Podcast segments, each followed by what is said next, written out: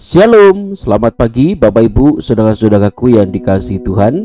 Berjumpa kembali di dalam renungan edisi khusus masa Advent GKT Nazaret. Pada kesempatan pagi hari ini kita akan mendengarkan firman Tuhan yang terdapat di dalam Yesaya pasal yang 40 ayat yang ketiga. Demikianlah sabda Tuhan. Ada suara yang berseru-seru Persiapkanlah di padang gurun jalan untuk Tuhan. Luruskanlah di padang belantara jalan raya bagi Allah kita. Saudara-saudaraku yang terkasih di dalam nama Tuhan Yesus Kristus.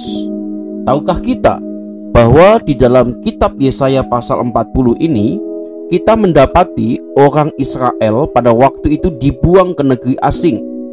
Diasingkan dan ditawan di negeri Babel. Kota ini terletak sekitar satu jam jauhnya di selatan Irak dan dianggap sebagai pusat peradaban Mesopotamia sebuah kota gurun kosmopolitan yang memiliki taman gantung yang terkenal dengan sebutan Hammurabi dan kodenya.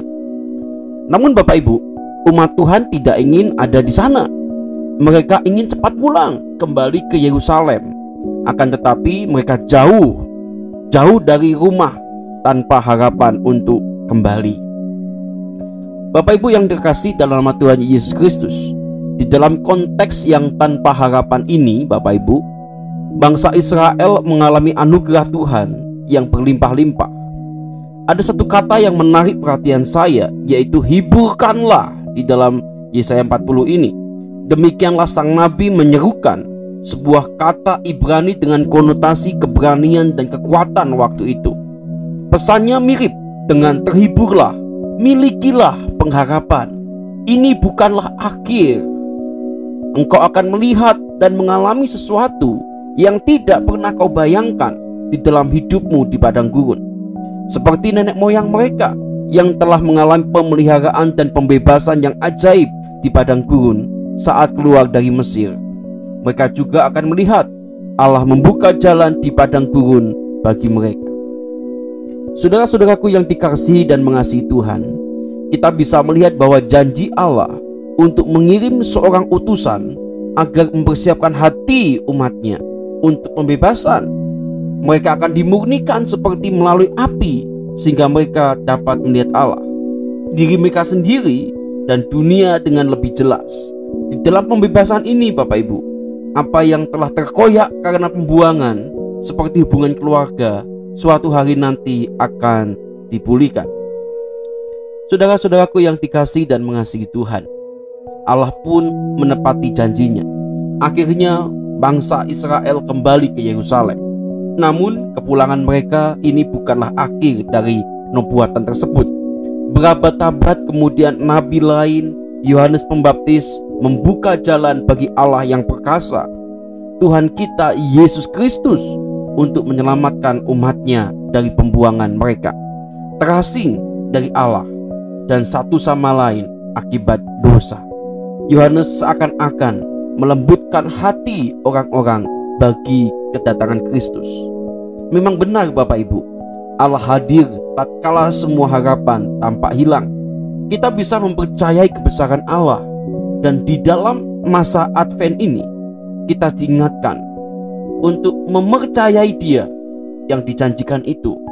Dia yang datang bagi kita sebagai bayi yang baru lahir namun memiliki segala kekuatan dan kuasa di seluruh alam semesta dalam tangan mungilnya. Saudara-saudaraku yang dikasih dan mengasihi Tuhan, apakah saat ini kita berada di padang gurun dan membutuhkan pembebasan, membutuhkan Allah dalam kuasanya untuk campur tangan dalam kehidupan kita? Kita mungkin tidak tahu saudara-saudara bagaimana atau kapan pembebasan itu akan datang. Tetapi Pembebasan itu pasti akan datang. Allah selalu datang. Sebab itu saudara-saudara, mintalah Allah mempersiapkan hati kita untuk kedatangan Dia dan pembebasan yang selalu menyertainya. Mari bersama-sama kita berdoa. Tuhan, terima kasih di dalam masa Advent ini kami diingatkan untuk terus punya pengharapan di dalam Tuhan. Kami diajar untuk mempercayai Engkau, Sang Pembebas itu. Tuhan ajar kami supaya hati kami pun juga mempersiapkan hati yang terbaik untuk menyambut kelahiranmu. Kami serahkan ya Tuhan untuk setiap aktivitas kami sepanjang hari ini. Kiranya tangan Tuhan yang boleh memberkati dan boleh menyertai kami semua. Bila mana kami yang bekerja, kami yang bersekolah, studi, maupun kami yang melakukan segala aktivitas kami di rumah, kiranya tangan Tuhan boleh memberkati kami semua. Demi Yesus Kristus, kami sudah berdoa dan bersyukur. Haleluya. Amin. Selamat pagi Bapak Ibu, selamat beraktivitas. Kiranya Tuhan Yesus memberkati kita sekalian.